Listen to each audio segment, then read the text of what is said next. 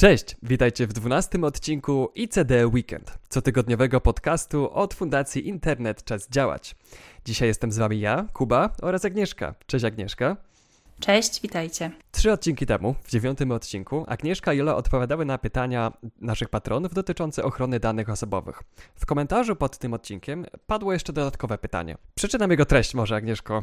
Jasne. Padło tam takie zdanie, że w każdej chwili mogą wycofać zgodę marketingową i nie mogą mnie za to czekać żadne konsekwencje. Czy to był jakiś skrót myślowy, czy być może rabat za zgody marketingowe jest nadużyciem? Jasne, chętnie odniosę się do tego tematu, bo rzeczywiście operatorzy telekomunikacyjni e, oferują właśnie tego typu rabaty. Jeśli na przykład wyrazisz zgodę marketingową, dostaniesz o 5 zł niższy abonament, czy za telewizję, czy za telefon. No i pojawia się właśnie pytanie, czy to jest zgodne z prawem, czy to nie narusza RODO. Mówiąc o tym, że wycofanie zgody nie może powodować żadnych negatywnych konsekwencji dla podmiotu danych, to nie był tak naprawdę skrót myślowy, tylko specjaliści od RODO, bo, bo szczerze mówiąc nie ma tutaj jeszcze żadnych decyzji w tym zakresie, przynajmniej ja nie kojarzę, jeśli chodzi o nasz Urząd Ochrony Danych Osobowych, to specjaliści od RODO mówią, że to nie jest właśnie naruszenie i to nie są negatywne konsekwencje, jeżeli wycofasz zgodę i musisz na przykład znowu płacić o ten 5 zł wyższy abonament, no bo to jest jakby taka oferta, gdzie ty, ty masz dobrowolność, tak? To jest tłumaczone w ten sposób. Masz ofertę przykład 60 zł abonamentu bez wyrażania zgód marketingowych i możesz to wziąć, nie musisz, mówiąc w cudzysłowie, sprzedawać swoich danych, albo dostaniesz 5 zł rabatu i świadomie podejmujesz decyzję, że wyrażasz zgodę marketingową. I teraz umawiasz się z operatorem na właśnie taki deal, mówiąc brzydko. Jeżeli wycofasz tę swoją zgodę marketingową, zgodnie z warunkami będziesz płacić po prostu o 5 zł wyższy abonament. Negatywną konsekwencją byłaby byłaby na przykład sytuacja, gdyby po wycofaniu zgody marketingowej na rzecz użytkownika były świadczone usługi gorszej jakości, tak? Albo na przykład bez wyrażenia zgody marketingowej, no tutaj nie mówimy o wycofaniu, tylko w ogóle o wyrażeniu zgody marketingowej, nie można było w ogóle zawrzeć umowy, tak? Z jakimś operatorem. Więc no tego typu oferty nie są uznawane za negatywne konsekwencje w rozumieniu y, RODO. Czy to się nam podoba, czy nie? Pewnie większości z nas się nie podoba, natomiast jest uznawane że operatorzy mają do tego prawo i jest to legalne. Ale powiedz mi taki temat dobrowolności zgody, no bo dobrowolność jest jednym z warunków ważnej zgody. Czy w sytuacji, w której ktoś po prostu, no nie wiem, jest w tak ciężkiej sytuacji finansowej, że te 5 zł miesięcznie to jest mieć obiad ostatniego dnia miesiąca lub nie, to wtedy możemy mówić o, o tym, że to nie było dobrowolne i może taka zgoda nie była ważna? Wiesz co, Kuba, wydaje mi się, że gdyby ktoś rzeczywiście miał taką trudną sytuację finansową, to w ogóle nie decydowałby się na jakąś usługę i te 5 zł chyba jednak nie robiłoby aż takiej dużej różnicy. No przepraszam, ale ale trudno mi sobie wyobrazić, szczerze mówiąc, taką ekstremalną sytuację.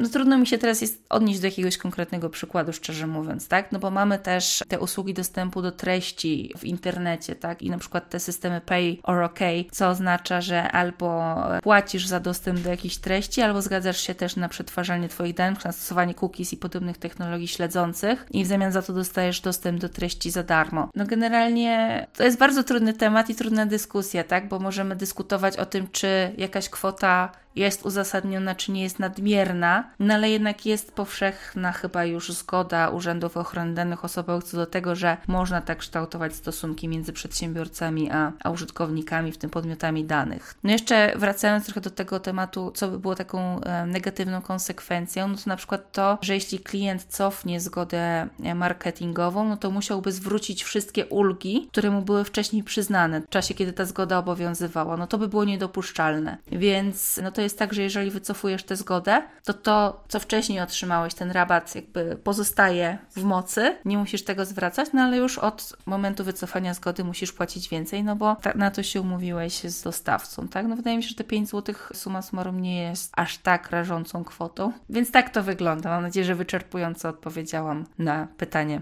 No jeszcze się zastanawiam, czy to jest tak w takim razie, że to jest po prostu kwestia ceny, I o ile dobrze rozumiem. Czyli nie mogło być tak, że jest usługa, która normalnie kosztuje 1000 zł miesięcznie, ale jak wyrazisz zgodę marketingową, to będzie kosztowała 10 zł miesięcznie. Dokładnie tak. Właśnie podnosi się, że nie może tu być takiej po prostu rażącej dysproporcji. Podobnie jest z płaceniem tak naprawdę danymi właśnie za, nie wiem, różne e-booki, tak? Bo często um, właściciele stron internetowych, którzy sprzedają jakieś jakieś swoje usługi w internecie, zachęcają klientów tak zwanymi lead magnetami, czyli oferują jakiś e-book w zamian za to, że zapiszesz się do newslettera, tak? czyli zapłacisz danymi. No i tutaj powinna być zaoferowana alternatywa, czyli mógłbyś dostać tego e-booka płacąc na jakąś sensowną cenę, tak? W zależności od treści, no to też będzie właśnie indywidualnie oceniane. No bo może być tak, że ten e-book będzie kosztował, nie wiem, 49 zł, może być tak, że będzie kosztował 10 zł, ale no te 49 zł też może się okazać niewygórowane, bo zawiera na tyle wartościowe treści, że książka powiedzmy z tego typu informacjami faktycznie by tyle kosztowała, tak? Więc to jest bardzo cenne. No i tak jak powiedziałeś, no de facto jest to kwestia ceny, kwestia tej dysproporcji. Czy ktoś się nie czuje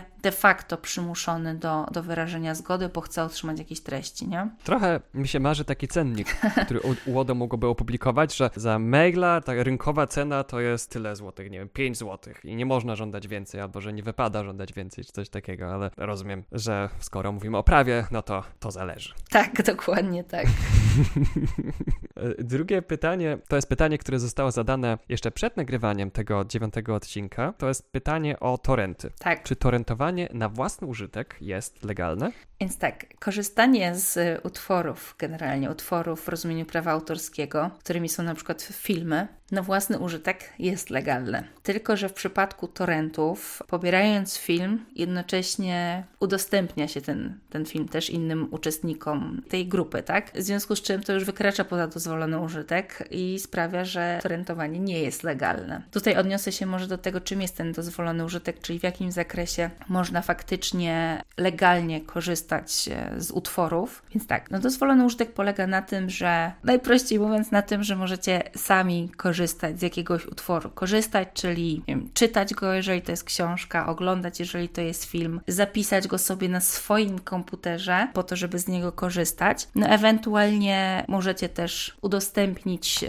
egzemplarz utworu do, do korzystania swoim najbliższym. Przepisy mówią o tym, że zakres własnego użytku osobistego obejmuje też korzystanie z tych egzemplarzy utworów przez krąg osób pozostających w związku osobistym, w tym krewnych, powinowatych czy czy osób pozostających w stosunku towarzyskim, czyli w swojej rodzinie możecie wszyscy korzystać z jakiegoś pobranego e, utworu, ewentualnie wśród bliskich znajomych, tak, przyjaciół. Czyli jakby miał torenty, tylko udostępniał moim znajomym? Tak, ale no zakładam, że to jest trudne to, przy torrentowaniu, żebyś nie udostępniał też innym osobom. No technicznie możliwość jest taka, że mogę wpisać tylko jakieś konkretne adresy IP, które znam. Oczywiście tutaj mówię o tylko takich hipotetycznych przypadkach brzygowych, ale one pomagają mi także i mam nadzieję słuchaczom zrozumieć granice mhm. tej technologii i dozwolonego użytku. Nie no tak, tylko pytanie, czy da się to rzeczywiście łatwo technicznie zrobić, bo przypuszczam, że przeciętny użytkownik, który właśnie korzysta z torrentów, nie będzie umiał tego zrobić w taki sposób, że nie udostępni jednocześnie nieograniczonego kręgowi osób tego utworu, tak? Więc no, gdyby tak się dało, gdybyś tylko pobrał i udostępnił swoim najbliższym znajomym, to wchodziłoby pojęcie dozwolonego użytku. Niestety takie powszechne korzystanie z tej usługi, no nie jest legalne.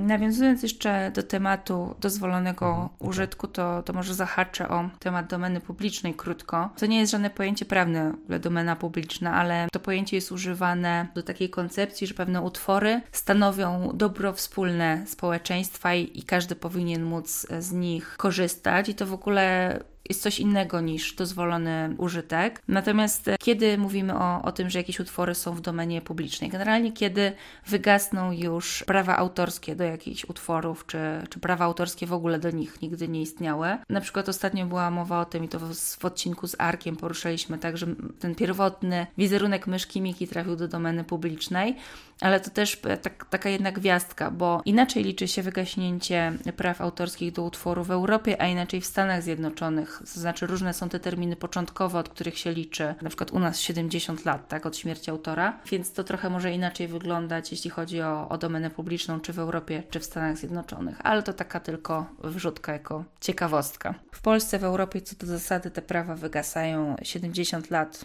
po śmierci autora i wtedy utwór przechodzi do domeny publicznej i każdy generalnie może z niego korzystać. No to tyle, jeśli chodzi o temat e, dozwolonego użytku i praw autorskich na dziś. A mój następny temat jest do tego troszeczkę przyległy. Chodzi o Netflixa i o piractwo. Jak donosi serwis torrentfreak.com, Netflix w jednym ze swoich zeznań finansowych czy jakichś dokumentów dla inwestorów napisał, że widzi piractwo jako rosnące ryzyko dla swojego modelu biznesowego. I tutaj taka odrobinka historii, bo Netflix kiedyś, kiedy powstał i zaczął streamować wiele różnych treści, to piractwo zaczęło maleć, bo faktycznie to była pewna konkurencja dla piractwa, bo można było bardzo łatwo dostać jakieś tam filmy czy seriale na swoim, na swoim komputerze i wświetlić je na swoim ekranie. Jednak teraz z czasem, kiedy wchodzą te wszystkie inne usługi streamingowe i jest mnóstwo walk o to, który serial będzie na jakiej platformie i są całe strony poświęcone temu czasem, który sezon którego serialu na jakiej platformie najlepiej obejrzeć, to fakt, że piractwo wymaga troszeczkę technicznego zaangażowania, zaczyna nie być tak bardzo zniechęcający, jak to, że trzeba zrobić doktorat z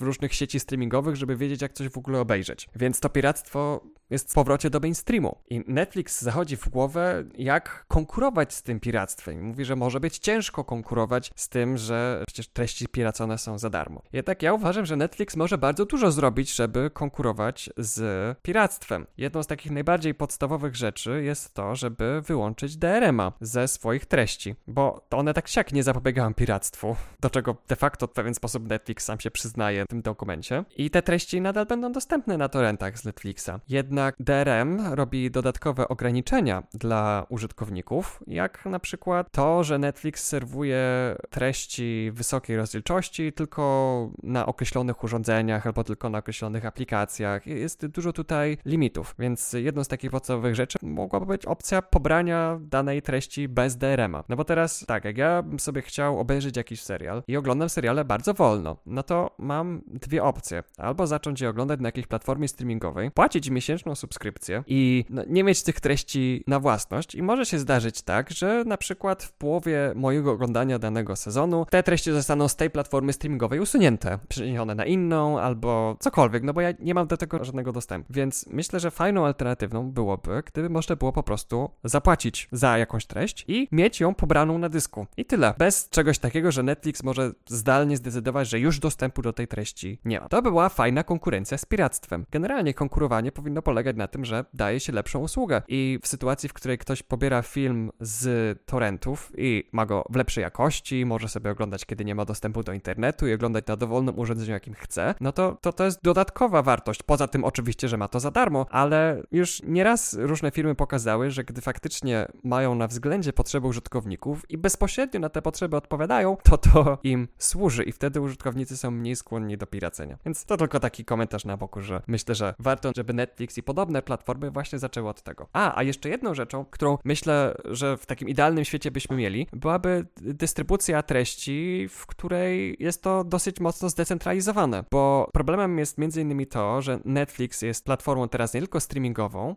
ale także tworzącą treści, więc ta konkurencja się odbywa tutaj na dwóch polach jednocześnie. A gdyby to było rozprzężone, czyli byłyby firmy, które są tylko od dystrybucji, od takiego cyfrowego wynajmu treści i osobne firmy od produkcji, produkcji tych treści, no to można byłoby łatwiej wyobrazić sobie sytuację, w której jedna treść jest dostępna w wielu serwisach. Nie ma tej walki z monopolem, że o, wytworzymy jakąś treść, ale ona będzie dostępna tylko tutaj, albo HBO ma swój własny e, serwis streamingowy i tak dalej, i tak dalej. No z punktu widzenia konsumenta oczywiście najfajniej jest płacić w jednym miejscu, myślę, że nawet troszkę więcej, niż e, troszkę mniej, ale w kilku miejscach różnych i jeszcze zachodzić w głowę, na której platformie założyć konto, czy może warto zakładać dla jednego serialu, czy będę pamiętał potem, żeby usunąć to konto, bo to jest odnawialne automatycznie i tak dalej, i tak dalej. Więc ja bym się o Netflixa nie martwił, pole do konkurencji jest, tylko pytanie, czy po nie sięgną. Rzeczywiście e, myślę, że ten pomysł decentralizacji jest bardzo dobry, bo sama e, przez jakiś czas subskrybowałam dwie platformy streamingowe, bo jedne filmy czy seriale, które mnie interesowały, były na jednej, inne na drugiej i było to strasznie wkurzające. A w sumie teraz to już na tej drugiej są te, które były na tej pierwszej, ale część już znika, więc tak, to jest mega problem. No to, to jakby naprawdę, jeżeli ktoś chce nasze pieniądze, to niech nam ułatwi dawanie nam tych pieniędzy, a nie utrudnia. Wiecznie zachodzę w głowę, dlaczego firmy myślą, że mogą ujść na sucho z antykonsumenckim podejściem i potem jeszcze płakać, że, że ludzie nie chcą mi dawać pieniędzy. Wiesz co, no bo wielu ludzi jest leniwych też i nie chce im się tego analizować. No niestety, tak, tak chyba jest. I na tym zyskują tego typu podmioty. No tak, tylko że jak teraz widzimy, że obsługa, bycie klientem platform streamingowych już wiąże ze sobą tyle przeszkód, że bardziej leniwym rozwiązaniem jest już nauczenie się, jak pobierać torenty, co wynika ze statystyk, więc y, same sobie te firmy taki los zgotowały. A to, że nagle by Netflix zdecydował, że nie masz dostępu do jakichś treści, no to już nieraz w naszych odcinkach poruszaliśmy, że coś takiego zaszło. A ostatnio także Microsoft zrobił taki myk, że niektórym kontom przeznaczonym dla uniwersytetów, kontom e, z plikami chmurowymi, ograniczyli dostęp do 20 GB.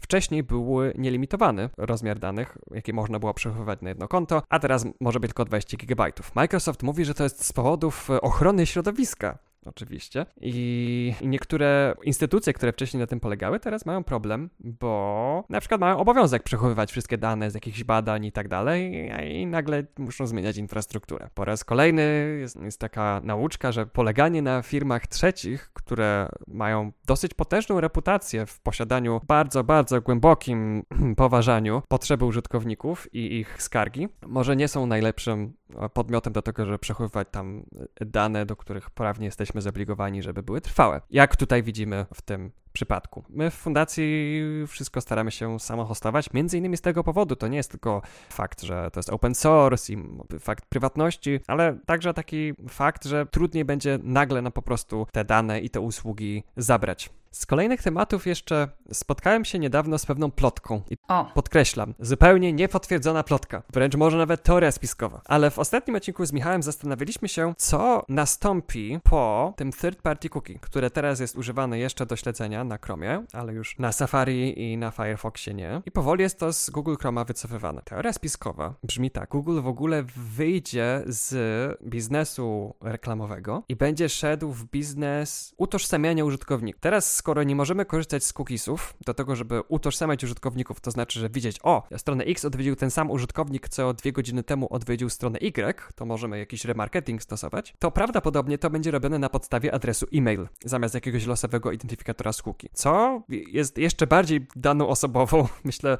bezsprzecznie, niż losowo nadany identyfikator. Dokładnie. I Google już niedawno zaczął robić coś takiego, że na stronach, które mają jakieś aplikacje Google'a, wyświetla informację, hej, zaloguj zaloguj się z Googlem, nawet jeżeli nie logowało się tam kontem Google. I to być może, podkreślam, być może jest właśnie taka przyszłość Google'a, że on będzie chciał być na każdej stronie po to, żeby y, zrobić coś w rodzaju na poziomie przeglądarki logowania, że ta przeglądarka będzie mówiła stronie, kim się jest. W ten sposób y, będzie to sprzedawał, że dzięki Google Chrome zaloguj się raz i wszędzie jesteś zalogowany. Po prostu wchodzisz na stronę, nie, nie musisz zakładać konta, to konto już tam, już tam jest, już, już, już te dane są. I trzeba przyznać, że no ta teoria spiskowa ma ręce i nogi w, w, pewnych aspektach, no bo to jest na pewno coś, co Google mógłby próbować sprzedawać pod takim kątem wygody użytkowników, też co każda strona by chciała mieć, no bo dlaczego nie? Więcej dostępu do danych, można śledzić remarketing, jeszcze użytkownik jest zalogowany. Oczywiście konsekwencje dla prywatności to tutaj nie muszę opisywać, że byłyby dosyć tragiczne. Ta teoria spiskowa idzie nawet do tego stopnia głęboko, że mówi, że Google będzie w ogóle sprzedawał AdSense i tak dalej, że to już, już nie będzie Google'owy produkt, albo tylko to zamknie i będzie się skupia właśnie e, na dostarczaniu tej usługi utożsamienia użytkowników. No ale tutaj użytkownicy też będą musieli zostać poinformowani, że to w ten sposób się będzie odbywało, więc no okej, okay, może pójdą w tym kierunku, ale jeżeli nie będą o tym informować, że to jest w tym celu, no to, to też będą naruszać prawo wobec tego. Nie ujdzie to im na sucho.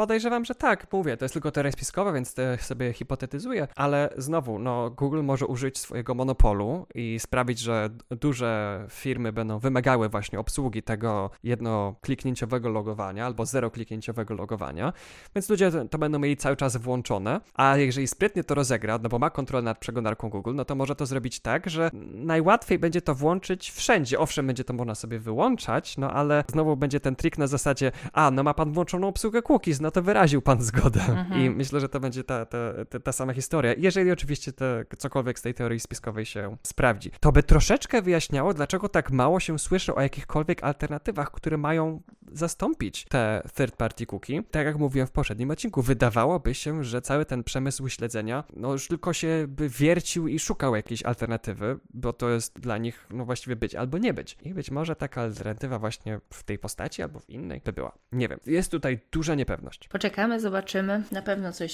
szykują, go po prostu może nie chcą na, na razie o tym mówić. Mhm. Zostawmy tego Google'a, przejdźmy do Microsoftu znowu. bo ciekawa informacja się pojawiła, mianowicie, że BitLocker nie jest jednak taki bezpieczny, jakby się wszystkim wydawało. Czyli ja jak słyszę BitLocker, to mam w głowie super zabezpieczenie. Firmy stosują BitLocker na wypadek, gdyby laptop został zgubiony, skradziony. Z BitLockerem nikt się do komputera nie włamie, nie dostanie się do danych osobowych. No okazuje się, że jednak nie jest tak różowo. Ostatnio znalazłam informację, że BitLocker właśnie nie jest tak bezpieczny, jak mogłoby się wydawać. Jeden z youtuberów opublikował ostatnio filmik pokazujący, jak udało mu się przechwycić dane BitLockera i wykreślić klucze szyfrujące, dzięki czemu odszyfrował pliki przechowywane w systemie i podobno potrzebował na to tylko 43 sekundy. Jak to zrobił? Używając sprzętu Raspberry Pi Pico, który kosztuje mniej niż 10 dolarów. No ja generalnie nie rozumiem, jak on tego dokonał, bo nie jestem z specem od IT, od cyberbezpieczeństwa, ale może Ty, Kuba, mi trochę wytłumaczysz i naszym słuchaczom. Ta informacja była taka, że ten haker wykorzystał moduł Trusted Platform Module, no i w ten sposób właśnie dotarł do tych danych. Możesz coś jakoś to skomentować, powiedzieć, co tu się zadziało?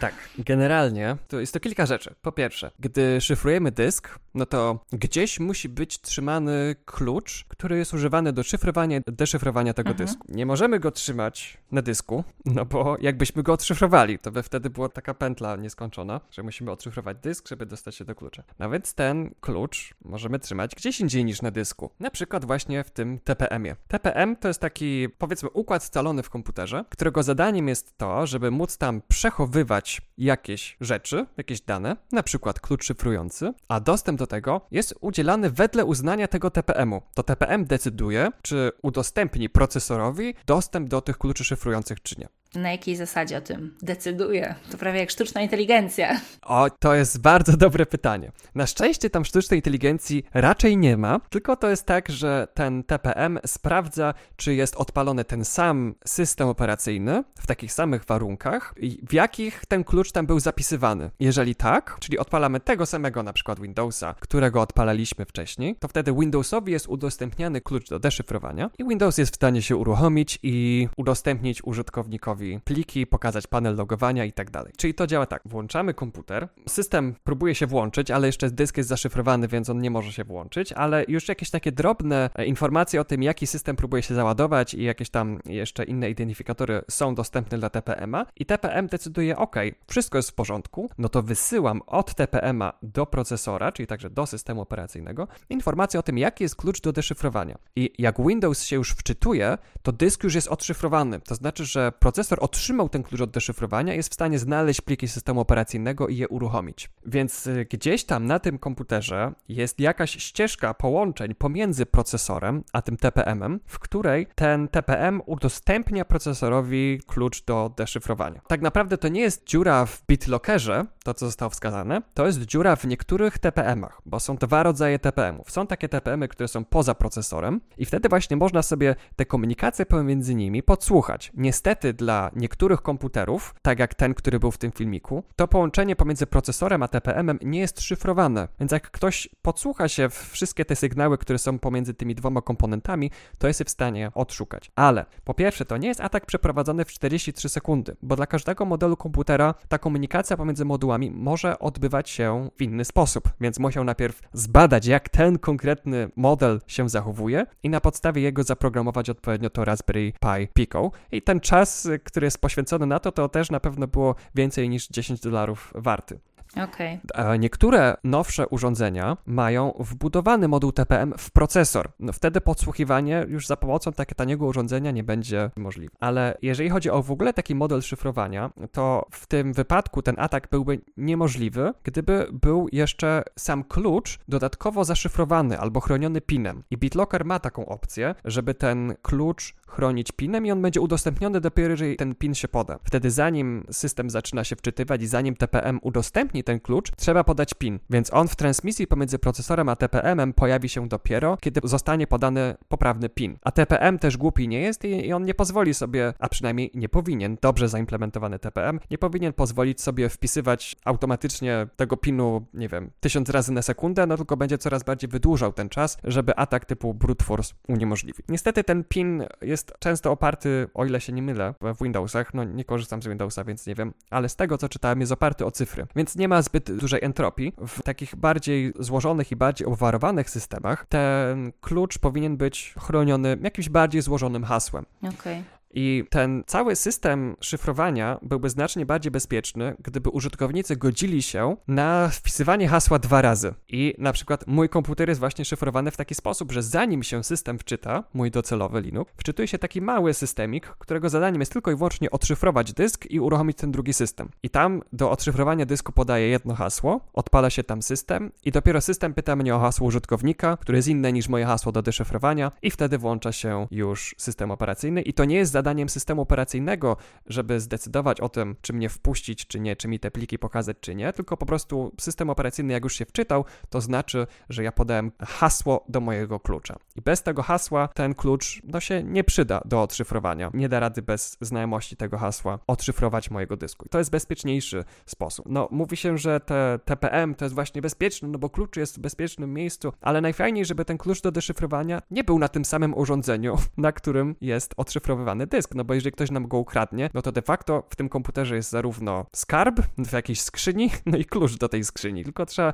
troszeczkę ten klucz jakoś tam podpatrzeć właśnie, przez jakieś prześwity w tej skrzyni, tam korzystając już jakoś dalej z tej metafory. Więc tego typu zabezpieczenie raczej nadal BitLocker jest odpowiedni, jeżeli chcesz mieć pewność, że tylko ty, a nie osoby na przykład, które pracują także u ciebie w biurze, mogły odczytać twoje dane, albo żeby pracownik nie mógł sobie zgrać całego dysku twardego, albo wyjąć dysku twardego z komputera i zgrać e, jakieś dane firmowe po tym, jak został zwolniony, czy coś takiego, no to tutaj to nadal chroni, no bo w sytuacji, kiedy ktoś wykręciłby ci dysk twardy z komputera i już nie miał dostępu do tego komputera, no to w takiej sytuacji, w której ten dysk został zaszyfrowany kluczem, który znajduje się w TPM-ie, no już nie ma dostępu do tego TPM-a, więc nie będzie w stanie odszyfrować tego dysku. Więc nie ma aż takiego wielkiego powodu do alarmu. Jeżeli ktoś chce mieć bezpiecznie zaszyfrowany dysk, to powinien musieć wpisać hasło, które jest przeznaczone tylko do szyfrowania tego dysku, więc troszeczkę mniej wygodnie będzie, no dłużej się będzie komputer włączał, bo będzie wydłużony o ten krok wpisywania hasła do odszyfrowania, czy tam pinu do BitLockera, ale to jest wystarczające, żeby uodpornić się na ten atak, jaki, jaki jest przedstawiony w tym artykule. Okej, okay, no myślę, że to bardzo cenne informacje. Też sporo dowiedziałam z tego, co, co powiedziałeś, czyli no gdybyśmy mieli zabezpieczony komputer BitLockerem i ktoś by go ukradł, no to to już nie jest takie fajne zabezpieczenie, bo ktoś może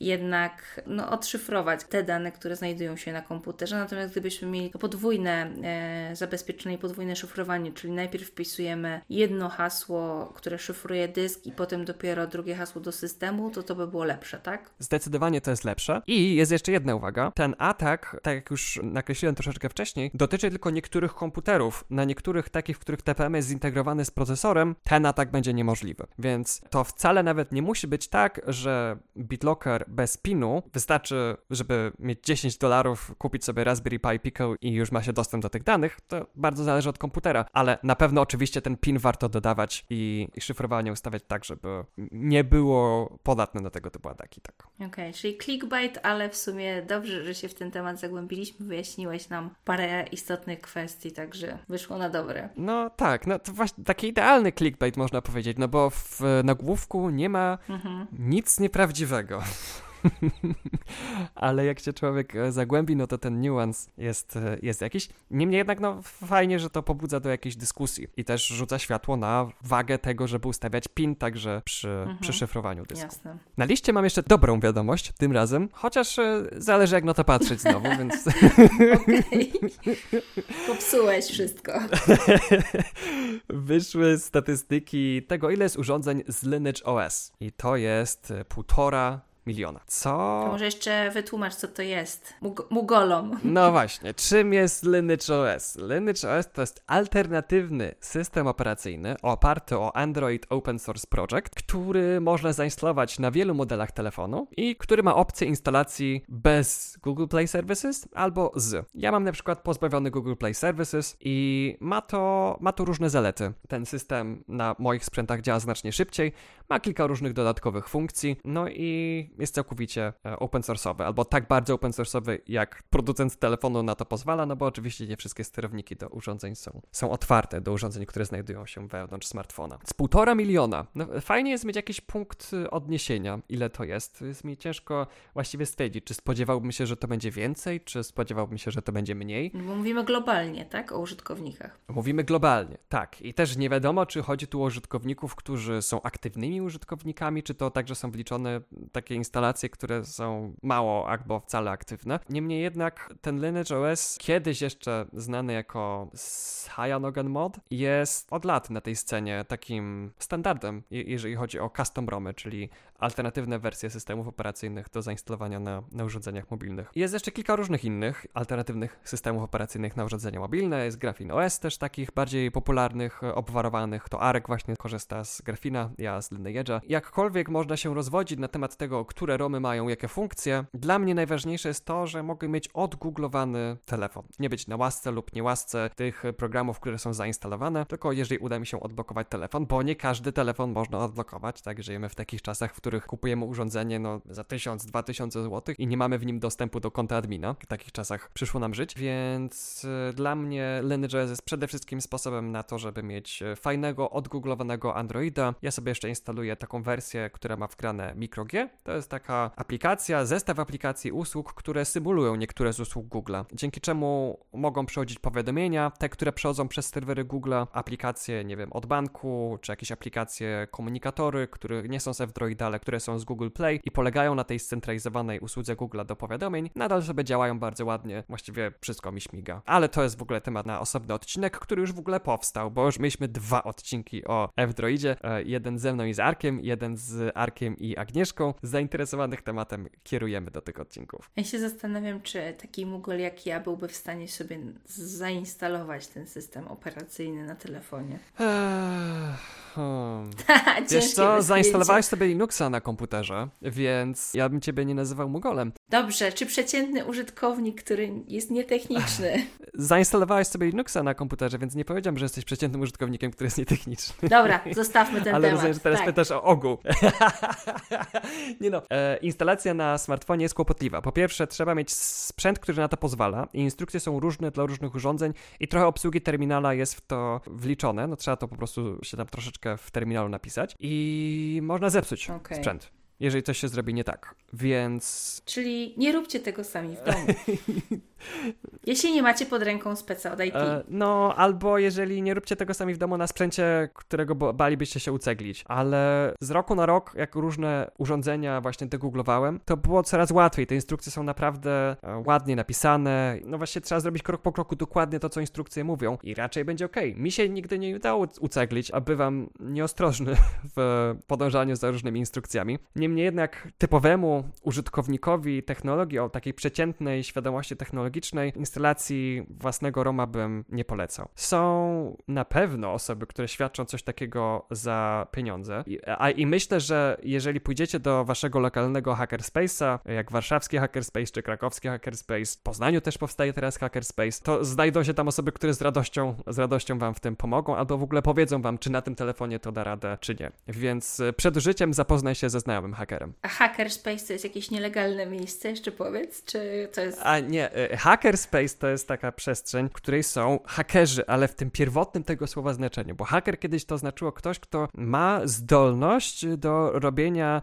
w szczególności cyfrowych rzeczy, e, łączenia ich na nowe sposoby, rozumie jak działają i jest w stanie robić haki. A hack kiedyś znaczyło po prostu ciekawe wykorzystanie, albo ciekawe użycie, albo niekonwencjonalne użycie jakiejś technologii, które jest możliwe dzięki temu, że ktoś tę technologię bardzo bardzo dokładnie rozumie. Kraker to był ktoś, kto się włamuje. Okay. A haker to jest ktoś, kto robi to jakby po prostu ma, ma, ma takie umiejętności. No teraz haker ma konotacje negatywne, jednak hackerspace'y to nie są e, w tym znaczeniu słowa hacker, takim jak to Hollywood ma z reguły na myśli. No, przepraszam z góry użytkowników, którzy są bardziej techniczni za moją ignorancję, ale wolałam doprecyzować i wyjaśnić. Jak najbardziej. No słuchają nas zarówno osoby techniczne, jak i nietechniczne, więc staramy się zadowolić naszą całą demografię. Dokładnie. No dobrze, no to starając się zadowolić e, wszystkich naszych słuchaczy, teraz kolejny wątek prawny. I postanowiłam zasygnalizować, że no 17 lutego, czyli już za chwilkę, wchodzi w życie rozporządzenie, kolejne nowe rozporządzenie, e, które nam Unia Europejska przygotowała. Chodzi o akt o usługach cyfrowych, polski skrót AUC,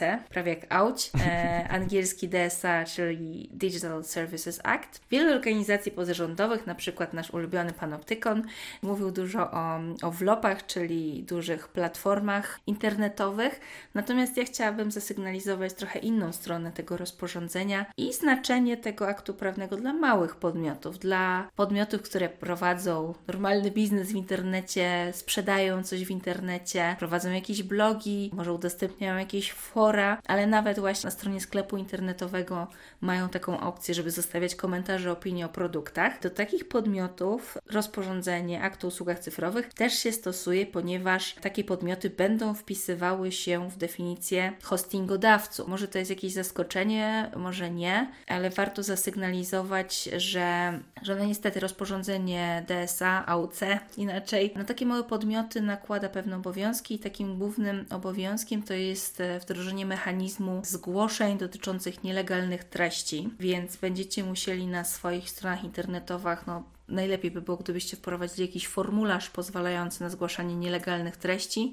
Powinniście też w regulaminie swoich usług określić zasady, jakie to są niedopuszczalne treści, czy treści są moderowane, czy jest jakieś algorytmiczne podejmowanie decyzji. Powinniście też wskazać, jeżeli tego do tej pory nie zrobiliście, punkt kontaktowy w regulaminie. Jeśli chodzi o te zgłoszenia nielegalnych treści, też powinniście przewidzieć w regulaminie, czy można się odwołać. Raczej powinniście przewidzieć możliwość odwołania się od decyzji co do tego, czy zakwalifikowaliście jakąś treść e, jako nielegalną, czy nie. No i potencjalnie musicie być gotowi na to, że na przykład jakieś organy państwowe, które będą wyznaczone tutaj do, jako koordynator do spraw usług cyfrowych, na, na jego żądanie będziecie musieli musieli z nim współpracować. No jest to dodatkowy obowiązek. Pewnie jeśli chodzi o treść regulaminów, większość z tych elementów już macie w swoich dokumentach, natomiast trzeba pamiętać właśnie o tym obowiązku umożliwienia zgłaszania nielegalnych treści użytkownikom. To taki sygnał, alert prawny z mojej strony. Od kiedy trzeba osiągnąć poziom zgodności? Czy to jest tak, że jeżeli 18 ktoś nie będzie tego miał, to już mu grozi kara? Teoretycznie tak, natomiast no tak jak z RODO, tak wszyscy, mhm. część osób starała się wdrożyć wymagania przed 25 maja, ale spora część po tym 25 maja dopiero się dostosowywała. No myślę, że, że okej, okay, no formalnie powinniście to mieć, tak, ale nie sądzę, żeby w najbliższych tygodniach, miesiącach spotkało się to z jakimiś konsekwencjami poważnymi, jeżeli nie będziecie tego mieli, zwłaszcza, że jesteście małymi podmiotami i myślę, że tutaj raczej powinniśmy też liczyć się z jakimiś, nie wiem, wytycznymi sugestiami. Mm, no ale trzeba o tym pamiętać, tak, że trzeba się dostosować. Okay. To taka wrzutka prawna.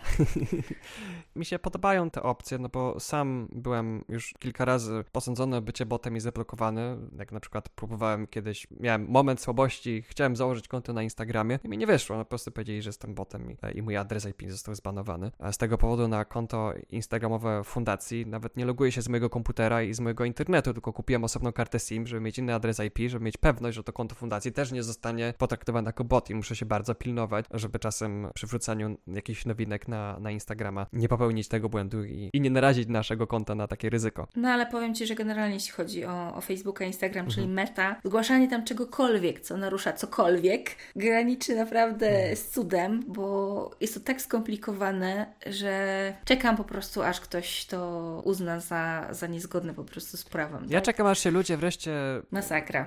zmęczą Facebookiem i zaczną korzystać z y, platform, które nie rzucają mi kłód pod nogi Myślę, że powoli już się, znaczy powoli, już od dawna się przebiera miarka, jeżeli chodzi o to, na ile Facebook próbuje sobie pozwolić, licząc na to, że a ludzie nie będą przechodzili gdzieś indziej. Ale zobacz, jakiś czas temu były te opcje, albo korzystasz dalej za darmo, ale dopasowujemy reklamę, albo płacisz za Facebooka i nie sądzę, żeby ktokolwiek wybrał płatną opcję. No i. Więc no myślę, że tak szybko ludzie nie zrezygnują z Facebooka, niestety. I, I, wiesz, jakby jestem dość sceptyczna, że ludzie przejrzą na oczy i nie będą korzystać z jego usług. No, ja zawsze porównuję to do papierosów i alkoholu. To jest Facebook i te różne takie inne platformy, które no, mają w głębokim poważaniu użytkowników i traktują ich po prostu, no, nie upodmiatawiają ich, mówiąc łagodnie. Będą i tyle. Może być więcej osób, które wybiorą nie brać w tym udziału. Tak samo jak osoby, które, jeżeli miały być wykluczone z imprezy przez to, że nie piją alkoholu, po prostu będą sobie szły na inne imprezy na których takich zasad nie ma. I też jak, nie wiem, posiadanie konta na Facebooku jest wymagane, żeby brać udział w jakimś evencie, no to po prostu znajdą sobie lepsze eventy. Ja sam, nie mając Facebooka, no owszem,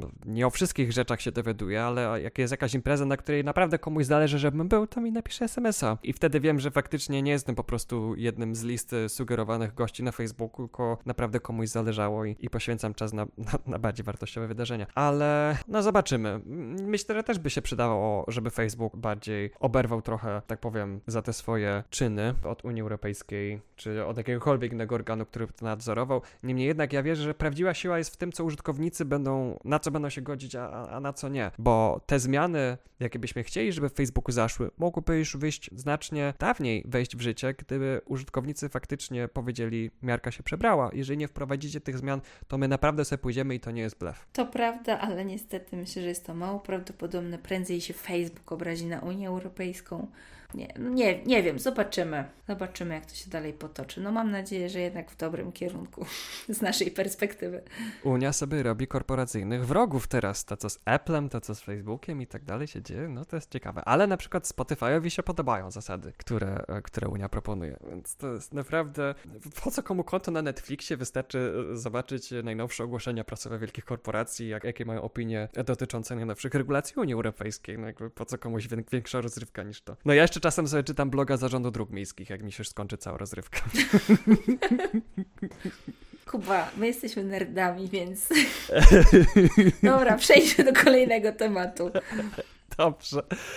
Kolejny temat, dosyć nerdycki. Przez moment nie działały kanały RSS na YouTube. To znaczy, można subskrybować nadal, na szczęście, kanały RSS różnych kanałów YouTube'owych, tak? I dzięki temu, nie posiadając konta na YouTubie, można nadal dostawać powiadomienia o najnowszych treściach od naszych ulubionych twórców, którzy są na YouTubie. Jednak to nie jest pierwszy raz, kiedy właśnie przez pewien czas, czasem dłuższy, czasem krótszy, te RSS-y przestały działać. I to jest e, taka prawie, że nieudokumentowana funkcja tych, tych RSS-ów YouTube'a, więc e, zawsze jest taki strach, kiedy one przestają działać, te kanały RSS, że to już teraz jest na zawsze, że to już teraz po prostu przestało działać. E, na szczęście teraz wróciło, ale myślę, że jest nadal pewne ryzyko, że kiedyś to Google po prostu wyłączy. Jeżeli tak nastąpi, to polecamy Wam 28 odcinek naszego dużego podcastu, nie ICD Weekend, tylko tego ICD takiego zwykłego, odcinek o projektach odzyskiwania internetu. O jakże chwytliwym tytule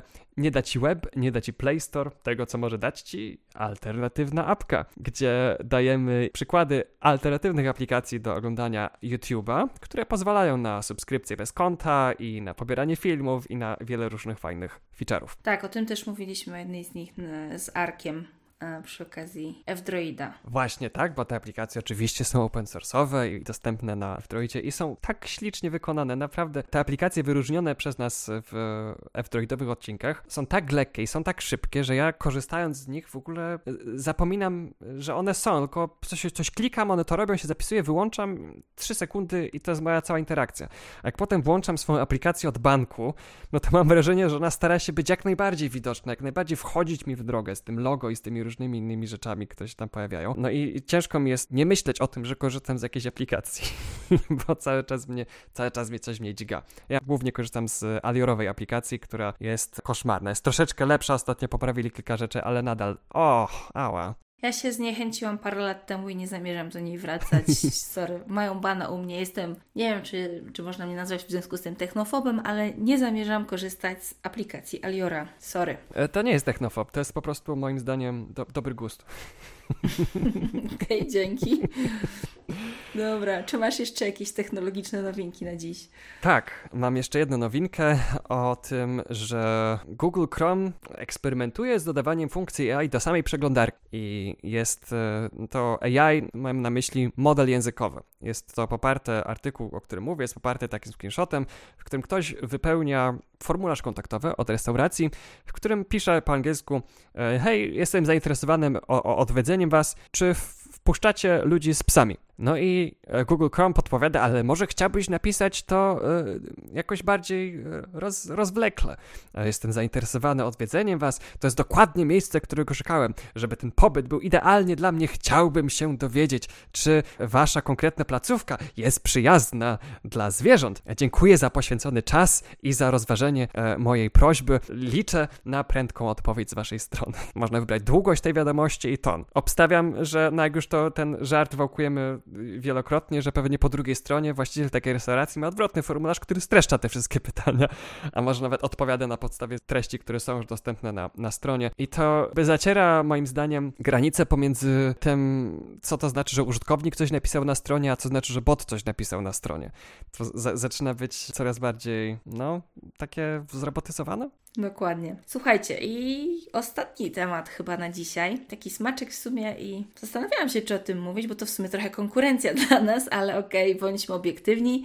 E, Europejska Rada Ochrony Danych Osobowych to ciało, które zrzesza przedstawicieli wszystkich organów nadzorczych z zakresu ochrony danych osobowych w Unii Europejskiej, uruchomiło narzędzie do audytu stron internetowych. Słuchajcie, jest dostępny, można sobie pobrać, zainstalować. No i stwierdziłam, że przetestuję, zobaczymy, czym czym to się różni od naszego rentgena, czy jest lepsze, gorsze. No i pierwszy problem, jaki napotkałam, to instalacja tego na Linuxie. Nie zainstalowałam, nie dałam rady zainstalować sobie tego na Linuxie. Myślałam w pewnym momencie już, że jestem głupia. Ale pocieszyło mnie to, że Kuba również miał problem z zainstalowaniem tej aplikacji, tego narzędzia Oj, tak. e, na Linuxie. Na, na, szczęście miałam dostępny komputer z Windowsem, tam już poszło łatwiej. Zainstalowałam sobie to urządzonko, no i taka recenzja użytkownika pierwsza.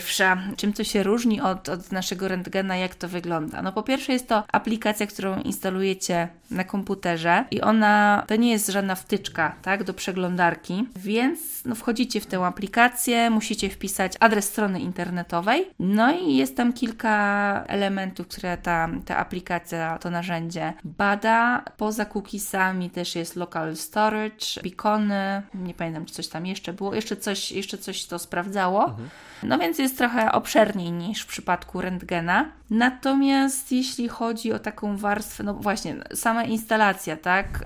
Nie to, że nie, jest, że, że nie jestem obiektywna, tak? Ale uważam, że rentgen po prostu jest łatwiejszy w, w obsłudze pod tym kątem, że po prostu macie wtyczkę do Firefoxa i podgląd na bieżąco, będąc na stronie in internetowej. No może też się już trochę przyzwyczaiłam do, do tego, jak wygląda rentgen. Natomiast no plusem jest też to, że tutaj u nas jest generowana ankieta jeszcze, tak? Która pyta o to, jak były zrealizowane obowiązki informacyjne na stronie, czy była polityka prywatności, czy była zrozumiała, więc to pomaga użytkownikowi, jakby nakierowuje go na elementy, które mogą być niezgodne z prawem na tej stronie, poza jakby stosowaniem jakiejś technologii e, śledzących bez zgody użytkownika, bez uprzedniej zgody i pomaga finalnie wygenerować też wiadomość do administratora. No tutaj w, w tym narzędziu Erodu tego nie ma i musicie sami sobie na podstawie tych wyników, które pokazało Wam narzędzie, zakwalifikować stronę jako zgodną, niezgodną albo jeszcze niezakwalifikowaną, tak? Mhm. No też możecie wygenerować całą listę z informacjami, jakie technologie są tam stosowane, jakie informacje są zbierane, dokąd one są wysyłane. No myślę, że to jest super krok ogólnie, tak, ze strony Europejskiej Rady Ochrony Danych, natomiast no, no, też nie jest idealne, tak jak nasz rentgen, no chyba mogę to kupować, też nie jest idealny. nie jest, nie Natomiast one się gdzieś tam uzupełniają, mhm. oba narzędzia mają zalety, tak. Ale to, ta instalacja na Linuxie po prostu mnie załamała. No mnie załamało, bo myślałem, że w końcu po prostu sklonuję kod źródłowy tego programu i będę podążał za instrukcjami. Jednak instrukcje, nie wiem, czy one były pisane przez jakiś, jakiś model językowy, czy, czy co, ale te instrukcje nie działały. Trzeba było wpisać inny zestaw instrukcji w innej kolejności, żeby to uruchomić na Linuxie. I, i też, a wcześniejsze moje próby z odpaleniem tego, no, z paczki Debianowej pod, pod Linuxem to już w ogóle, to już, to już się skończyło źle, ale no to tutaj może już nie wina twórców, tylko po prostu no nie zrobi paczkę na inny system operacyjny, ja to próbowałem przeszczepić na, na inny grunt. Ale wspomniałeś o tym, że ta aplikacja od Erodu wspiera beacony.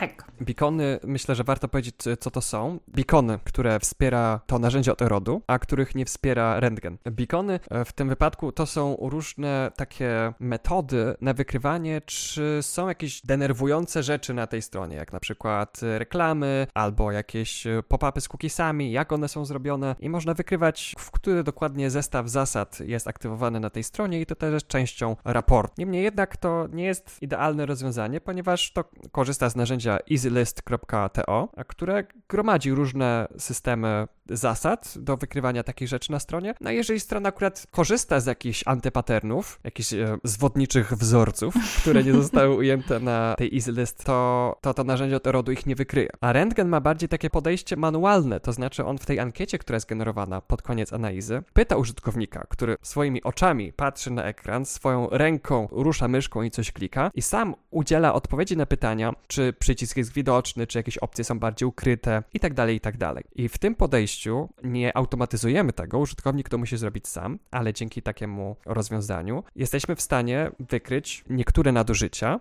których automatyczne skrypty nie są w stanie wykryć, ponieważ na przykład w tej easylist.to, z której korzysta narzędzie Erodu, akurat taki zestaw cech strony nie został ujęty. Więc tak, są rzeczy, które to narzędzie Erodu potrafi, jak na przykład patrzenie w local storage. Tego jeszcze Rentgen nie robi, ale, ale możemy jak najbardziej dodać. No i są też rzeczy, które Rentgen robi, a Erod nie robi, jak e, poszerzona, pogłębiona analiza, wspieranie użytkownika w manualnej analizie strony i połączeniu tej automatycznej analizy z manualną. Więc gdyby połączyć siły rentgena i tego narzędzia od Erodu, o, to by było potężne narzędzie. Ale ich przeznaczenia są różne, bo Erod służy do dosyć formalnej analizy strony, aczkolwiek nadal moim zdaniem przesadnie zautomatyzowanej. Rentgen ma za zadanie nie tylko analizowanie strony, ale także zwiększanie świadomości użytkowników na temat tego, co się na tej stronie dzieje. To jest coś, co sobie może działać w tle i poprzez wyświetlanie tych żółtych i czerwonych ikon na różnych stronach daje jakiś ogląd użytkownikowi na temat poziomu prywatności na tej stronie. A narzędzie od Erodu działa zupełnie poza przeglądarką, więc dwa różne przypadki użycia, dwie różne grupy odbiorców.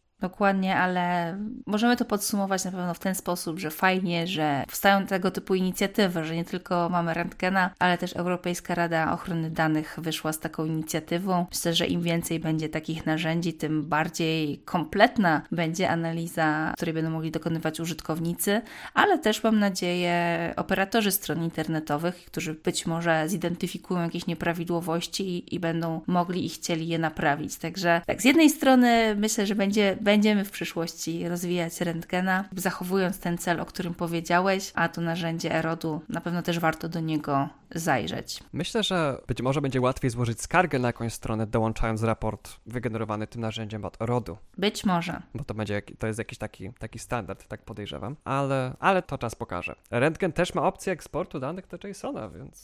No. Plus Rentgen został wypuszczony półtora roku temu. tak, tylko wiesz, no nasz błąd polega na tym, że nie jest przetłumaczony na angielski. Dobra, to się tak, wytnie. Tak. To, nie, nie, to jest duży błąd. To myślę, że to się warto przyznać, że to jest coś, co należy zrobić. Tylko chciałbym też zauważyć, że mamy budżet znacznie mniejszy od Erodu. No, to prawda. Generalnie działamy póki co wsparcia naszych patronów. Wiele rzeczy robimy po prostu w naszym wolnym czasie pro bono, bo staramy się mhm. no, i szerzyć wiedzę i wspierać użytkowników w walce o prywatność. Jeżeli chcecie nam pomóc w tej walce, zapraszamy do podstrony wsparcie na naszej stronie internetowej oraz do wysłuchania informacji o patronach pod koniec tego odcinka. Czyżbyśmy dopłynęli do brzegu? Tak, dopłynęliśmy. Myślę, że dużo wątków dzisiaj było poruszonych, ale mam nadzieję, że, że wiele ciekawych wątków. Tradycyjnie, jeżeli będziecie mieć jakiekolwiek pytania do tego, o czym mówiliśmy, czy spraw autorskich, czy prawa ochrony danych osobowych, ale też kwestii technicznych, technologicznych zapraszamy do komentowania pod postem na naszej stronie internetowej, na naszych kanałach w mediach e, społecznościowych, czy do kontaktu mailowego. Serdecznie dziękujemy Wam za wysłuchanie dzisiejszego odcinka i do usłyszenia w kolejnych. Do usłyszenia, cześć. Jeżeli przypadł Ci do gustu nasz podcast, zachęcamy do wspierania nas na Patronajcie i na LiberaPay.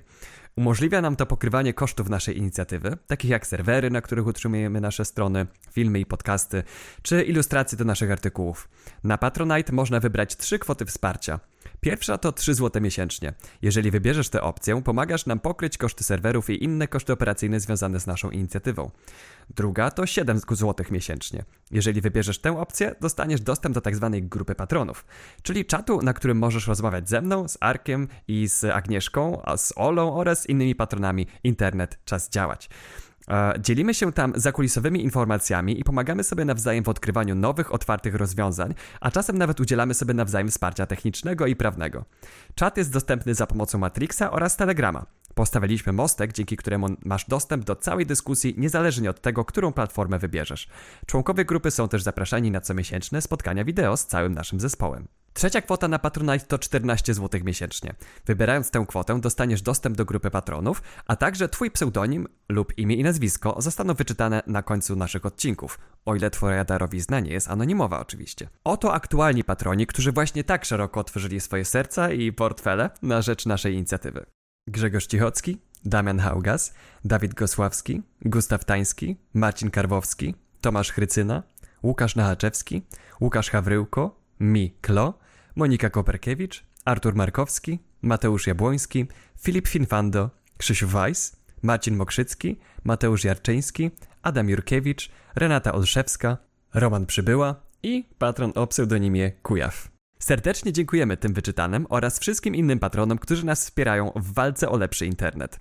Te same nagrody można uzyskać patronując nam na LiberaPay, który umożliwia opcję wspierania nas całkowicie anonimowo, jak i wybrania dowolnej kwoty wsparcia. Można nas też wspierać za pomocą bezpośredniego przelewu bankowego. Zainteresowanych prosimy o kontakt mailowy. Linki do naszych profilów na Patronite i LiberaPay, jak i do naszych kont na Fediversum i innych sieciach społecznościowych możecie znaleźć w zakładce Kontakt na naszej stronie internetowej. Drobna uwaga.